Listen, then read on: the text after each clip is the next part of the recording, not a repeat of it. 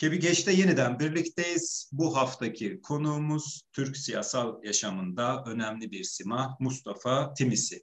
Mustafa Timisi 60'lı yıllardan itibaren Türk parlamento tarihinin renkli simalarından birisi. Ee, yakın bir süre e, içerisinde dipnot yayınlarından kendisiyle yapılan söyleşilerin yer aldığı Biz Varız, Dün, Bugün, Yarın Mustafa Timisi anlatıyor e, Hatice Aydoğdu, Nülüfer Timisi Nalçaoğlu'nun yaptığı e, bir e, röportaj dizisi var bu kitabın içerisinde.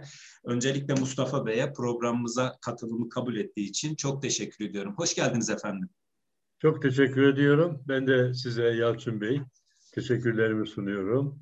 Bu arada bu kitabımızın hazırlanmasında benimle birlikte e, emeği olan kızlarım diyeceğim Hatice Aydoğdu'ya, kızım Nülüfer Timisli Nalçaoğlu'na teşekkürlerimi sunmak istiyorum.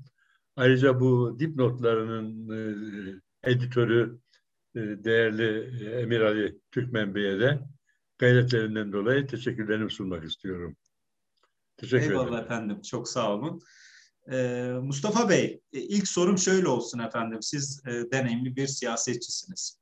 E, kitabınızda zaten e, bu söyleşi kitabınızda zaten derinlemesine anlatıyorsunuz siyasi hayatınızı. E, efendim siyasete atılımınız nasıl oldu? Nasıl başladı siyasete atılımınız? Evet, tabii uzun bir süreç bu. Gençlik yıllarından itibaren toplumsal olaylara karşı duyarlılığı olan insanlardan birisiydim. Yetiştiğim ortamın gereği de e, Alevi kimliğim nedeniyle de bir takım e, tartışmalara e, muhatap oluyordum. O nedenle e, ister istemez e, bu tür meselelerin içerisinde yer almaya başladım. E, bir takım derneklerde görev aldım. Örneğin Divri Derneği, Sivas Derneği yönetimlerinde görev aldım. Üniversite yıllarında e, bu çalışmaların içerisine girdim. E, ayrıca e, Alevi e, aileden gelmiş olmamın, yaşadığım toplumun içindeki duyarlılıkları dikkate alarak da e, gelişmelere e, seyirci kalamadık. O olayların içerisinde yer aldım. E, ilk defa Türkiye'de e, 63'te e, Ankara Üniversitesi Gençliği adına e, Diyanet İşleri Başkanlığı ilgi bir tasarı söz konusu. Ona karşı bir hareketin içerisinde yer almış olduk. Ee, işte bu olaylar, gelişmeler bizi ister istemez siyasete doğru yönlendirdi. Asıl e, gerekçem e, 60'lı yıllarda Alevi toplumuna karşı, Alevi kültürüne karşı, Alevi kimliğine karşı e, inkar politikasının, dışlama politikasının bende yarattığı tepkilerdi.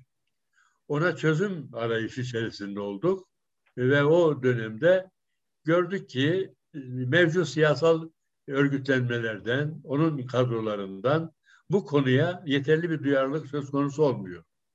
O zaman 61 Anayasası'nın da hudutları içinde, özgürlük ortamı içerisinde toplumda var olan tüm sosyal grupların, sınıfsal grupların kendi meselelerine sahip çıkması gerektiğini de düşünerek bu mesele bize aittir. Bu konuyu ele almalıyız. Bu konunun e, topluma e, intikalini, farkındalık yaratılmasını biz yaratabiliriz. Bu yapıdan gelen, bu acıyı çeken, bu, bu noksanlığı hisseden bir yapının insan olarak bunun da yolunun siyasette olabileceğini düşünerek bir siyasi parti kurulmasının gerekliliğine karar verdik. Böylece siyasetin içerisine girmiş olduk. Ee, peki e, Mustafa Bey, 1966 yılında kurulan Birlik Partisi var ve Birlik Partisi 69 seçimlerinde e, 8 milletvekili çıkartarak parlamentoya giriyor. Siz sonrasında Türkiye Birlik Partisi olarak ismini değiştirecek olan bu partinin genel başkanlığını da yapıyorsunuz. Bu parti aslında tam da e, önemli bir e, dönemde siyasetin içerisinde e, kendisinden epeyce söz ettiren bir parti aslında. Partinin kuruluşunda asker kökenliler var ve bu aslında partinin devlet tarafından kontrol altına alınmasına yönelik bazı yorum ya da eleştiriler de beraberinde getiriyor. Bu doğru mudur efendim? Siz bu hususta ne düşünüyorsunuz? Buyurun. Bu eksik ve bünyeyi tanımamanın getirdiği bir yorum olsa gerek. Evet, Katılmıyorum. Efendim. Çünkü bu e, oluşumun içinde fiilen bulunan kişiyim. 65 ve 66 yıllarında bir siyasal örgütlenmenin gerekliliğini yani mevcut arkadaşlarımızla tartışan ve o noktada karar alan nasıl yapılması gerektiğini de kendi aramızda bir yol haritasını belirleyen insanlardan birisiyim ben. Evet efendim. Ama e, Bayındık Bakanlığı müfettiş memuriyetim vardı, müfettişliğim vardı. Dolayısıyla aktif olarak görev almam söz konusu değildi. Dolayısıyla yanlış. Ama bu arada kuruluşunda Çorum kökenli bir eski emekli bir general genel başkanlığa getirildi. Evet efendim. Cemal Özbey isimli bir avukat arkadaşımız e, ki Cemal Özbey 60'lı yılların bilhassa bu Alevilere karşı haksız itham ve e, suçlamalara karşı e, duyarlı olan, mücadele veren, gerçekten o dönemin koşullarında öncülük görevi yapan kişilerden birisiydi. O bu bizim çalışmalarımız içerisinde yer almıştı. Birlikte evet, bir siyasal oluşumu yönlendirmeye gayret etmiştik, karar vermiştik. Onun o da genel sekreterliğinde bu Sayın General Hasan Tahsin Berkman isimli bir eski bir general. Çorum kökenlidir, Alevi kökenlidir. Ee, ileri çizgide sonra tanıdım ben e, kurulduktan sonra tanıdım. Saygın kişiliği olan bir insandı. Oradan kaynaklı sanıyorum ki bir yakıştırmadır.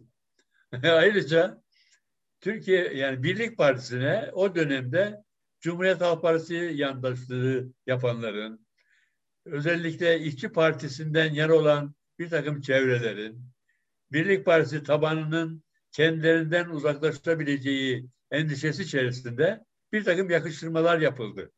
Onu gözledik maalesef. Üzüntüyle ifade ediyor. Evet efendim. Oysa ki Birlik Partisi kesinlikle ne e, bir başkasının güdümünde ne ya bir başka oluşumun e, bir e, e, piyonu olabilecek bir oluşum orada ortaya çıkmadı. Evet efendim. Peki e, Mustafa Bey, e, aslında e, partinizin e, çok önemli bir e, kararın alınmasında 70'lerde 1970 yanılmıyorsam Demirel hükümetinin kurulmasında partinize mensup 8 vekildiniz. Partinize mensup 5 vekilin Demirel'e güven oyu verdiğini görüyoruz. Ve aslında bu güven oyundan sonra yine Türk siyasal yaşamında önemli bir hadise yaşanıyor. Deniz gezmişlerin idamı onaylanıyor. Efendim bu sürece dair ne söylemek istersiniz? Şimdi e, Yalçın Bey aslında biraz başa dönersek. Buyurun. E, Türkiye'de tarihin getirdiği ve dışlanmış olan Alevi inançlı yurttaşlarımız var.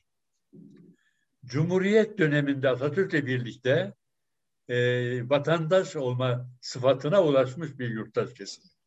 Ancak egemen kültür e, ve e, kurumlar bu gelişmeyi dikkate almayan bir tutum içerisinde. Bütün e, Atatürk e, görüşlerine, dair cumhuriyete rağmen Alevi yurttaşlarımız ikincil bir konumda değerlendiriliyordu.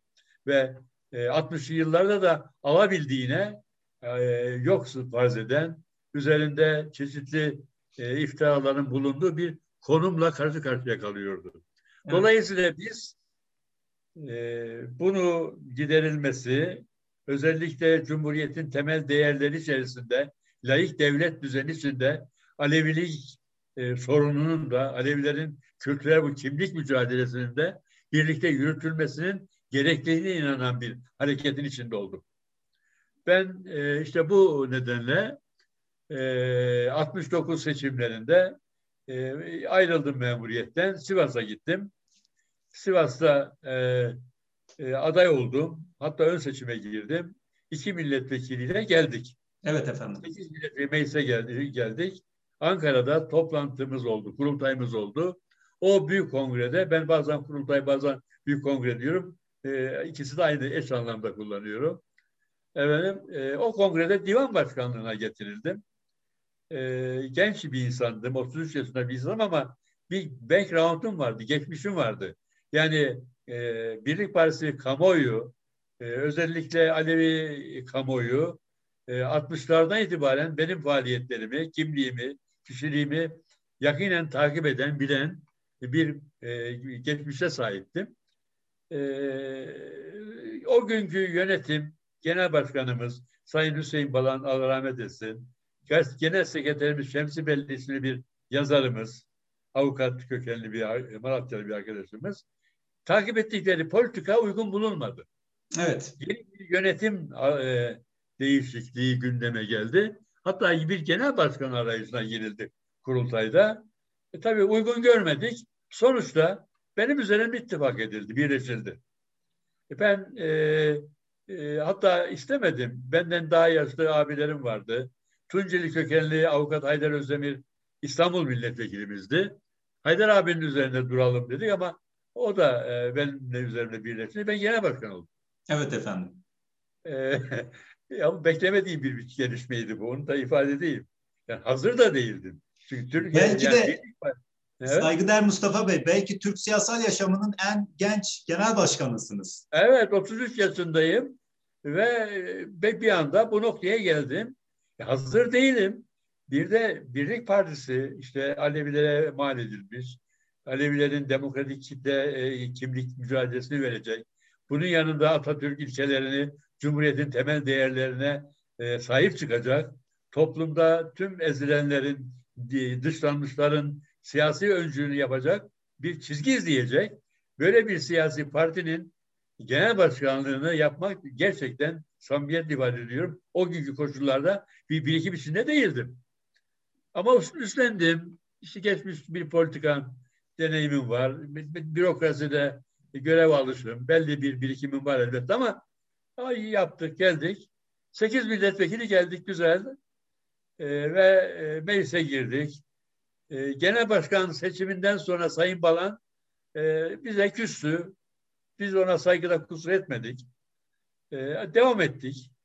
Demirel e, Adalet Partisi 200 şuraya yazmıştım 256 milletvekiliyle geldi. 69 seçimlerinin sonunda. CHP 143, Birlik Partisi 8, Güven Partisi 15, Millet Partisi 6, İşçi Partisi 2, Yeni Türkiye Partisi 6, 13'te bağımsız milletvekilleriyle meclise geldik. 70 bütçesi gündemde. Bütçe üzerinde söz aldım. Milletvekillerimizle toplandık. Parti meclisinde karar aldık. Hüküm, e, Adalet Partisi hükümetine kırmızı oy vereceğiz e, kararını aldık. Aksine davrananların kesin ihraç kararıyla partiden uzaklaştığına dair de karar aldık. Ve ben bütçe üzerinde söz aldım. O arada onu da ifade edeyim. Bütçe Plan Komisyonu üyesiydim aynı zamanda. O çalışmaların içinde de oluyordum. Ee, çok ciddi bir çalışmayla bütçeyi yerleştirdik. Ee, Adalet Partisi zihniyetini, Adalet Partisi'ndeki gerici gelişmelere karşı e, özellikle var olan toplumsal yapının dışlanmasını e, eleştirerek kırmızı oy kullanacağımızı ifade ettim, indim. Başkaları da, diğer e, milletvekilleri de aleyhte oy kullandılar. Ha, bu arada e, bu süreçte Demokrat Parti diye bir parti kuruldu. Demokratik Parti, Adalet Partisi'nden 41 milletvekili ayrılarak Demokratik Parti'yi kurdular. Ferruh Bozbey de genel başkan oldu hatırlarsınız. Ee, onlar da red oyu kullanınca bütçede bütçe oylamasında hükümet güven oylamayla karşı karşıya kaldı. Evet efendim. Tabii bu çok ciddi bir e, durum yarattı mecliste. Hükümet güven oylamasına gitmek durumunda. E, sayısı yetmiyor. Sayısı 226'ya bulması lazım. 215'e düşmüş. Aradaki farkı diğerlerinden kapatmaya çalışıyor. Bir meclis kulisi başladı. Müthiş bir kulis. İlişkiler, dedikodular, e, yorumlar, basın, işte şu partiden şu kadar alınacak, buradan bu kadar gelecek. Bir Güven e, Partisi, Yeni Türkiye Partisi, Millet Partisi. Tabii yoğunluk Birlik Partisi'nin üzerinde. Birlik Partisi üzerinde dedikodular sürüyor. Ben arkadaş milletvekillerimizle, Balan hariç, diğerleriyle konuşuyorum bunu soylarla. Diyorlar hayır biz aldığımız karara bağlıyız. O güvenlik içindeyim, rahatlık içindeyim. Ee, oylama gününe tabii gittik ertesi gün. Oylama günü e, Tuncay Bey, Yalçın Bey mecliste sinek uçsa uçurar böyle bir duyulur. Bütün kor diplomatik Türkiye oraya e, dolmuş basın, localar hınca hınç. Çok ciddi bir e, gün. Oylama başladı. E, bisimler dökülmeye başladı. Ulusoylar, üç Ulusoy. Bu Ulusoylar maalesef Hacı Bektaş'ın e, e, o şeyinden geldiğini, e, efendi olduğunu, Alevi toplumunun manevi liderliğini yapan bir ailenin insanları. Evet, Kazım Yusuf e, ve Ali Naki Ulusoylar. Evet. E, bir Hüseyin Çınar benim Sivas'tan beraber geldiğim arkadaşım. Diğeri de eski genel başkanımız Hüseyin Balan. Tabii yıkıldık. Ama bu arada Demirel güven oyunu aldı. Evet. Diğer bazı milletvekillerini de ikna ederek efendim ikna yollarını basın yazdı. İşte mebus pazarlığı dendi. E, şu dendi, bu dendi. Bir sürü dedikodularla maalesef karşı karşıya kaldık. Yani biz yıkıldık. Parti yönetimi olarak büyük bir darbe yedik. Bize güven duymuş. İlk defa Türkiye tarihinde bir siyasal örgüt kurmuş, oy vermiş Alevi yurttaşlarımız büyük bir perişanlık içine girdiler. Müthiş bir ezikliğin, mahcubiyetin içine girdiler. Üstelik bunların üçü de Çelebi dede dediğimiz bir makamda oturan insanlar. Bunlar bunu nasıl yapar e, düşüncesi içinde e, büyük bir darbe, büyük bir e, ne diyelim kırılma noktası yaşadık. Hala onun ızdırabını duyarım. İlk bir hareket yapmışız, gelmişiz, toplum bir değer vermiş, çok büyük bir umutla e, parlamentodayız. İlk defa bir hareketi planlıyoruz, götüreceğiz ve beş milletvekilimiz parti kararına aykırı Demirel hükümetine ki Demirel hükümetinin gittiği istikamet belli. Alevilere karşı, topluma karşı takip ettiği siyaset de ortada. Ona oy kullanmışlar, hükümet olmuş ve biz darbe yemişiz. İhraç ettik bunları evet. olarak. Yol düşkünü ilan ettiniz. Evet. Ee... E, tabii yani Alevilikte de e, ikrarından dönenin, bağlı olanın, e, sorumluluğu yerine getirmeyenin, toplumsal değerlere aykırı davr davrananların e, takip ettiği, maruz kaldığı bir e, ceza usulüdür de o aynı zamanda. Peki efendim burada şöyle araya girsem, Demirel hükümetine e, güven oyu verilmeseydi, deniz gezmişlerin asılması ya da 12 Mart darbesinin gerçekleşmesi mümkün olur muydu? Nasıl yorumluyorsunuz bu süreci bugün bakarken? Yalçın Bey çok önemli bir noktaya e, temas ettiniz. Teşekkür ederim.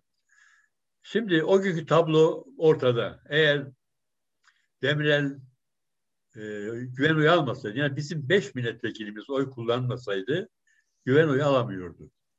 Hükümet düşüyordu. Evet. O zaman parlamentoda en çok sandalyeye sahip olan Cumhuriyet Halk Partisi vardı. İsmet Paşa genel başkandı. Bir koalisyon imkanı ortaya çıkacaktı. Hükümetsiz kalmazdı meclis. Evet. Ve o koalisyon oluşabilirdi. Demokratik Parti, Millet Partisi, Yeni Türkiye Partisi biz birlikte koalisyonu kurabilirdik. Bu olasılık vardı. Olmayabilirdi de. Ama bu olasılık vardı. Diyelim ki olmadı. Parlamento tekrar bir seçim koşullarını konuşabilirdi. Bir erken seçimi gündemine taşıyabilir. Yani her halükarda Demirel iktidarı bir kez daha bir güvenli olarak devam etme şansına sahipli olmazdı. Ve böyle bir tablo karşısında örneğin en azından 12 Mart'a doğru ülke evrimleşmedi. Bir gidiş içinde olmazdı. 12 Mart muhtırasıyla e, e, karşı karşıya kalmazdık. 12 muhtırasından sonra 12 Mart yönetimi gelişen ilerici toplumcu gençliğe karşı böyle düşmanca bir takibin içine girmezdi. 61 Anayasası'nın e, demokratik özünü ortadan kaldıran değişikliklere fırsat verilmezdi. Yani o 60 1970'teki 5 milletvekilimizin yanlışlığı, hatası, e, parti kararına aykırı davranışı böyle bir siyasal gelişmenin önünü kesti. Ayrıca bizim açımızdan da Birlik Partisi yeni bir hareket. Alevilerin siyasal tarihinde ilk defa çıkmış bir hareket. Toplumun beklentisi var, gözlemliği var. Toplum henüz bir siyasal bilinç içinde topyekün bir hareketi e, kucaklayacak noktada değil. İlk planda önemli bir e, netice almışız. Bizden iyi şeyler bekliyor. Arkası gelecek bir hareket. Evet. İkisi hareketi. Bizim gelişmemiz ciddi bir darbe yemiş oldu. Peki efendim zaten e, Mustafa Bey 69 evet. seçimlerinde 2.8 oy alıyorsunuz. 71 seçimlerinde 1.1'e düşüyor. Bu bu herhalde bu Şimdi bu, anlattığınız tabii, süreçle alakalı tabii, değil mi? Bu sonuç onu getirdiği gibi ayrıca 12 Mart'tan sonra Türkiye'de Cumhuriyet Halk Partisi ciddi bir değişim söz konusu oldu.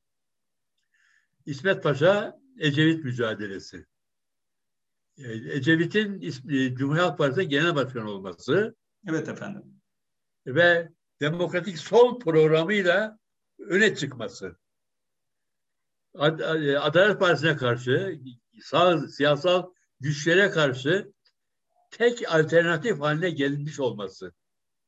Bu tarafta Birlik Partisi bir darbe yemiş. Kendisine destek verenlerin güvenini sarsmış. Geriye iki tane milletvekili kalmış. Mustafa Temizli, Haydar Özdemir. Toplumun sevgisini kazanmış olsa iktidar alternatifi görünmüyor. Böyle olunca 73 seçimlerinde maalesef bir tek ben Sivas'tan milletvekili olabildim. Evet. Peki efendim partinize getirilen yorum ya da eleştiri yapıcı ya da yıkıcı eleştiri mahiyetinden düşünürsek bir e, Alevi Partisi olduğu da dile getiriliyor. E, bu yorumlar doğru mudur? Bu hususta ne düşünüyorsunuz? Aleviler size beklediğiniz desteği verdiler mi? Ee, evet, parti başlangıçta da arz ettim, ifade etmeye çalıştım. Kuruluş gerekçelerinin asıl unsuru, temel faktör, asırlardır dışlanmış, ötekileşmiş, varlığı kabul edilmeyen Alevi yurttaşlarımızın kültürel ve kimliklerinin mücadelesi. Onun farklılığını ortaya koyarak eşit yurttaşlık temelinde bir e, noktaya ulaştırılması. Bunu yaparken Cumhuriyet'in temel değerleri içinde, o çerçeve içinde onlara da sahip çıkarak, Türkiye'yi kucaklayarak, bütün bu değerleri, çağdaşlığı, ilkeleri, hukuk devletini savunan güçlerin birliğini yaratarak bir siyasal potansiyel yaratmaktır. Alevilerin potansiyeli e, o günkü koşullarda yine en az 15 milyon bir yurttaştı.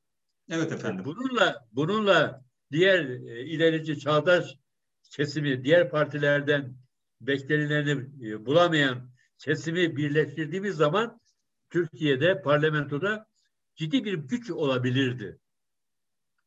Ama bu maalesef dediğim gibi engellendi. Ee, sonuca ulaşamadık. Elbette e, e, tabii buradan şunu da söyleyebilirim. Yani tek başına e, Aleviliğe dayalı, Alevi inancının siyasal bir yapısına dayalı bir siyasi örgüt olarak çıkmadı. Evet. O, o bir ayrı bir e, tartışmadır. Yani e, bir dinsel e, programı, e, ilkeleri siyasal program haline getirerek siyaset yapmadık. Aleviliğin kendi kültürel, inansal dışlanmış, e, kabul edilmeyen ötekileşmiş bir yapısını ortaya çıkarmak. Varlığını ortaya çıkarmak. İşte kitabın başlangıcında ifade ettiğimiz gibi kabakta biz varız. Dün de varız, bugün de varız, yarın da varız. Varlığımızın ortaya getirilmesi. Bu varlığımızın ortaya getirilmesi Türkiye bütünlüğü içerisinde demokratik, layık, hukuk devleti kurallarına bağlı tüm ezilenlerin, tüm dışlanmış olanların birliğini yaratarak bir siyasi yol açmaktı bütün iddiamız. Benim iddiam da buydu. Evet. Ama ne yazık ki içimizdeki gelişmeler arkasından 12 Mart, arkasından e, Ecevit'in gerçekten ortanın solu hareketi e, geniş kitlelerine e, kabulü, bizim dış, gölgelenmiş olmamız, e, küçük bir parti oluşumuz, oy verirsek boşa gider e, propagandası bizi maalesef başarıya götürmedi. Evet efendim. Şimdi e, son dakikalara yaklaşırken e, Türkiye İşçi Partisi var bu dönemde önemli bir e, evet. parti olarak. Onunla da bir ilişkiniz oluyor efendim. 71 seçimlerin e, 71'de tip kapatılıyor. E, onunla da bir ilişkiniz oluyor. O sürece dair de bize e, birkaç şey söyleyebilir misiniz? 73 seçimlerine giderken İşçi Partisi kapatılmıştı. Mehmet Ali Aybar e, mecliste milletvekiliydi. Mehmet Ali Bey ile e, ben mecliste çok yakın ilişkilerim oluyordu. Zaman zaman bazı gelişmeleri birlikte değerlendirebiliyorduk. E, Beyci Hanımlar tutuklulardı. İşçi Partisi'nin yöneticileri. Dolayısıyla e, biz görüştük parti yönetimimiz olarak. İşçi Partisi ile Mehmet Ali Bay Aybar'la bir seçim ittifakı yaparsak hem bir demokratik işbirliği, bir güç birliği yapmış oluruz.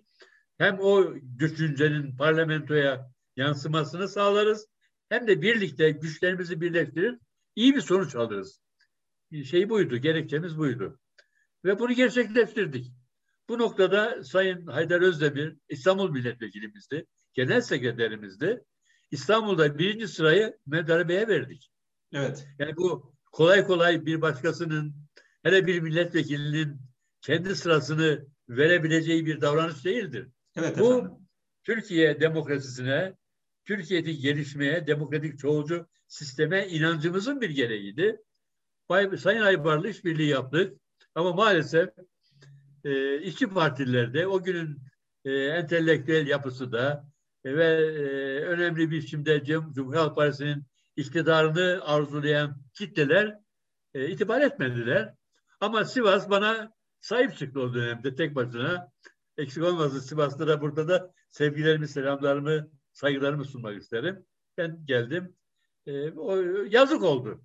Oysa ki o fırsat olsaydı Mehmet Ali Aybar gibi Türkiye siyasetinde saygınlığı olan demokratik mücadelede çok önemli hukuklar açan insanların meclise girmesi çok önemli bir kazanım olurdu. Evet efendim.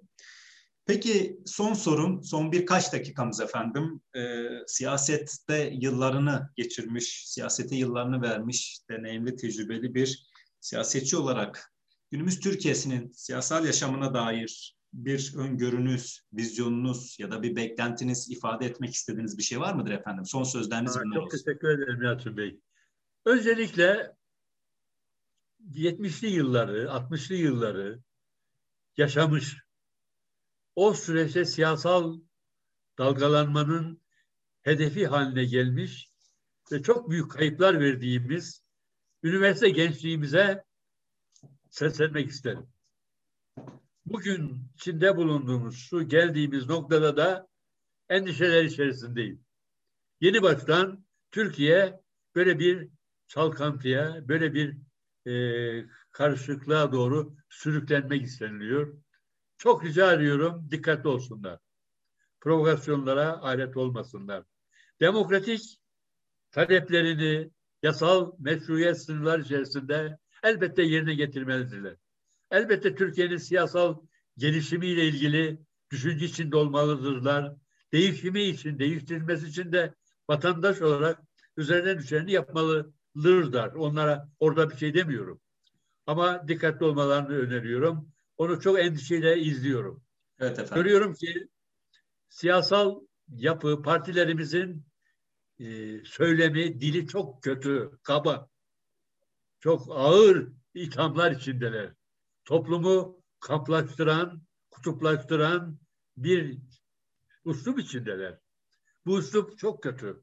Çok kötü. Bunun ülkeye, topluma, tabanda e, bir takım sıkıntılar getireceğini endişeyle e, izliyorum. Siyasi liderlere tavsiyem de şu dillerini şey, Yunusça olsunlar. İyi söz söylesinler. Kötü söz söylemesinler. Bunu arzu ediyorum.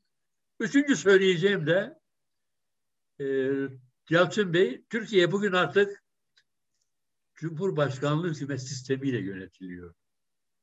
Parlamenter sistemden Cumhurbaşkanlığı hükümet sistemine geçtik. 50 artı 1. Bunu alan iktidar olacak. O halde bunu da görüyoruz ki bu tek adamlığa doğru götüren Cumhurbaşkanlığı hükümet sistemi Türkiye'nin sosyo ekonomik, kültürel, siyasal yapısına uygun görünmüyor. Deniyoruz ve görüyoruz. Bunun değiştirilmesi lazım. Bu sistemin değiştirilmesi lazım. Bu sistemi değiştirmek için en azından Cumhuriyet'in temel değerlerine, hukuk düzenine, laik devlet ilkesine, demokratik parlamenter sisteme bağlı inanmış siyasal güçlerin, inançların bir araya gelmesini, birlikte olmasını, bir saygınlık içerisinde bir mücadele vermesinin gerektiğini e, önemli vurgulamak istiyorum. E, öte yandan size bizi izleyen değerli e, insanlarımıza, dostlarımıza saygılarımı, sevgilerimi, muhabbetlerimi sunuyorum. E, üçüncü söyleyeceğim de şu. Buyurun efendim. Alevi örgütleri de lütfen kendi boyutlar içinde, kendi saygınlıklar içerisinde birbirlerine itibar ederek, birbirlerini yücelterek bir çalışmanın içerisinde olsunlar. Evet. Teşekkür ederim. Efendim çok teşekkür ediyoruz. Bugün Mustafa Timis'i anlatıyor. Biz varız. Dün, bugün, yarın e, kitabı Dipnot yayınlarından çıktı. E, onun üzerine Sayın Mustafa Timisi ile bir söyleşi gerçekleştirdik. Huzurlarınızda kendisine bir kez daha teşekkür ediyor. Bir sonraki programda görüşmek dileğiyle diyorum.